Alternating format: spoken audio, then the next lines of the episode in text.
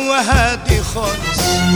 والدنيا غص غص الكلام ده بقى كان زمان.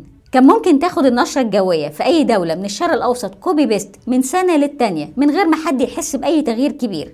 دلوقتي بقى إحنا بنحكي عن حر متطرف أحيانا وبوادر تلج في القاهرة وجبال خضراء في مكة اللي كان معروف عنها الحر الشديد. طب إيه اللي بيحصل في مناخ الشرق الأوسط وليه بيتغير؟ ده اللي هنلخصه في حلقتنا النهارده من بودكاست نقاط في دقائق.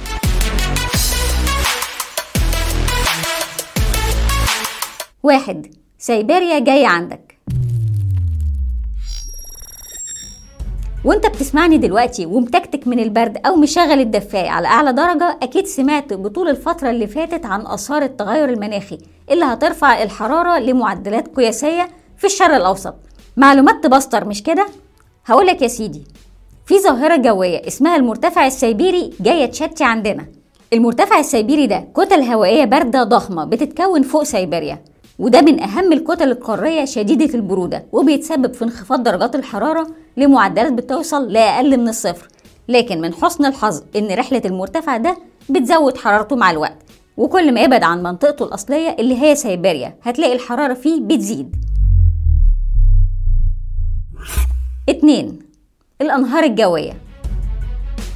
طب إيه اللي يخلي المطر أعلى من معدلاته بدرجة تخلي الجبال السعودية تخضر؟ سبب تاني للي بنشوفه هو الأنهار الجوية ودي تيار من بخار المية بيتحرك في السماء وغالبا بيكون في مسارات ضيقة وطويلة زي الأنهار العادية كده لكن من البخار وأول ما بتوصل إليابسة بينزل منها المطر. بحسب نشرة ام دي بي اي في حوالي 13 نهر جوي بيعدي على منطقة الشرق الأوسط وشمال أفريقيا سنويا وتحديدا في الخريف والشتاء وبتبدأ من الأطلنطي وتعدي من الغرب للشرق. التوقعات بقى بتقول إن الأنهار الجوية دي هتزيد مستقبلا في السعودية بنسبة 50% لكن هتقل بنسبة 30% في البحر المتوسط عن المعدلات المعتادة. وده معناه إن مناطق كانت عادة جافة هيبقى فيها سيول وأمطار. في حين مناطق كان بينزل فيها أمطار هيبقى مناخها أكثر جفافا. تلاتة اللي جاي مطر كتير قوي. رغم الكلام الكتير قوي عن آثار التغير المناخي في منطقتنا واللي الباحثين كتير كانوا اتكلموا عنه وإنه ممكن يسبب جفاف وتراجع في معدلات الأمطار ففي دراسة اتعملت سنة 2020 هنسيب لكم الرابط بتاعها في الديسكريبشن. شافت الأمور بشكل مختلف تماما وممكن يفسر لنا التغيرات اللي بتحصل دلوقتي. الدراسة قالت إن وجود منطقة الشرق الأوسط وشمال أفريقيا في مواجهة المناطق شبه الاستوائية وخطوط العرض المتوسطة بتخلي التوقعات بخصوص تغيرات هطول الأمطار أعقد شوية من الكلام المعتاد عن ارتفاع الحرارة في الكوكب. بحسب الدراسة فالتوقعات هنا بتتأثر بظواهر جوية مختلفة زي حجيرة هادلي والعواصف الشتوية اللي ممكن تظهر في شكل أنهار جوية. وعشان كده متوقع إننا رايحين ناحية أجواء من الهطول الغزير للمطر. أربعة مناخ ملوش كتالوج. هل الكلام ده مؤكد؟ الإجابة لأ لكن بحسب نفس الدراسة اللي بتقول إن العالم رايح ناحية تقسيم مناخي جديد هتكون في مناطق خطوط العرض العليا أكثر رطوبة. في حين هتكون المناطق شبه الاستوائية أكثر جفافا. ولأن منطقة الشرق الأوسط وشمال أفريقيا واقعة بين المنطقتين دول فعدم اليقين بشأن حجم التغيرات المستقبلية هو السائد دلوقتي. لكن الأرجح أن الظواهر المتطرفة لهطول الأمطار هتزيد من حيث التكرار والشدة في المستقبل. لأن بخار المياه في الغلاف الجوي هيزيد مع زيادة درجات الحرارة.